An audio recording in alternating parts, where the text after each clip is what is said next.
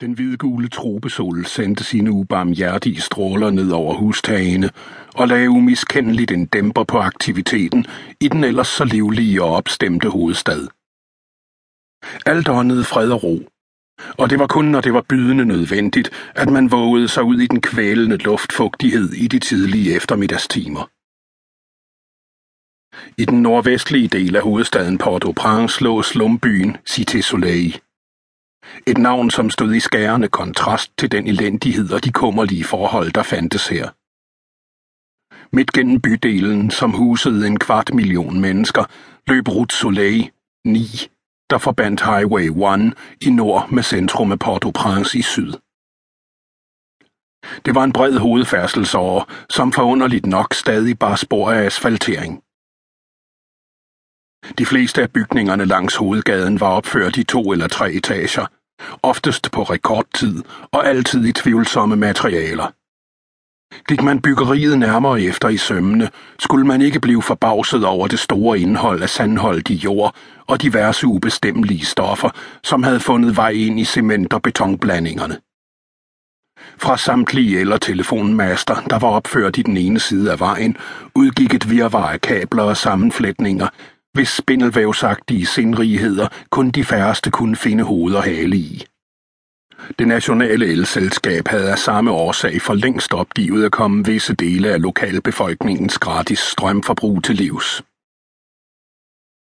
Bybilledet i Cité Soleil efterlod et gråt og trist indtryk, men når alt kom til alt, var det jo heller ikke den femstjernede turisme, der her blev satset på.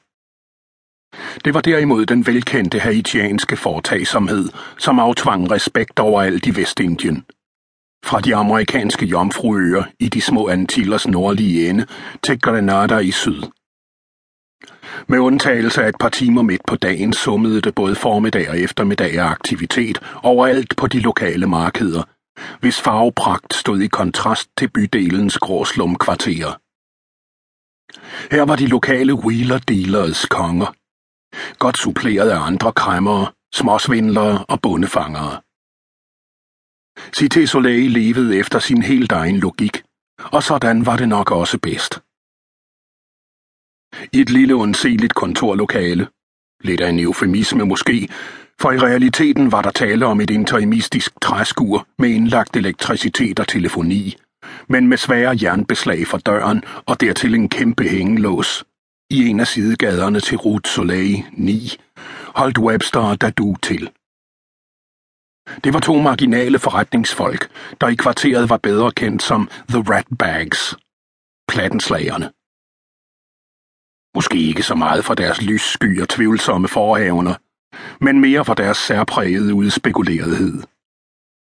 Disse haitianske krejlere syntes til hver en tid at have svar på alt – og de var som regel god for en spidsfindig løsning på et givet problem. De lod aldrig en forretningsmulighed glide dem af hænde, når der vel og mærke var lagt op til gode og hurtige penge. Jo større udfordringen var, og jo større krav der blev stillet til deres kreative evner, jo mere entusiastiske blev de. Alligevel var det de færreste, der havde viden om, hvad de to egentlig foretog sig, og hvilke forretningsområder de excellerede i. På det punkt holdt The Ratbags altid kortene tæt til kroppen. Der var heller ikke mange, der kendte til de to unge forretningsfolks baggrund. Og begyndte man at snage eller stille nærgående spørgsmål, blev man prompte afvist. Men Webster Olands og Dadu Fritzen, deres eksotiske efternavne fortabte sig i Haitis omtumlede historie, var altid god for en sludder og en lille historie og havde man problemer, kunne man trygt henvende sig til dem. Blot man i processen passede på sin pengepung og andre værdigenstande.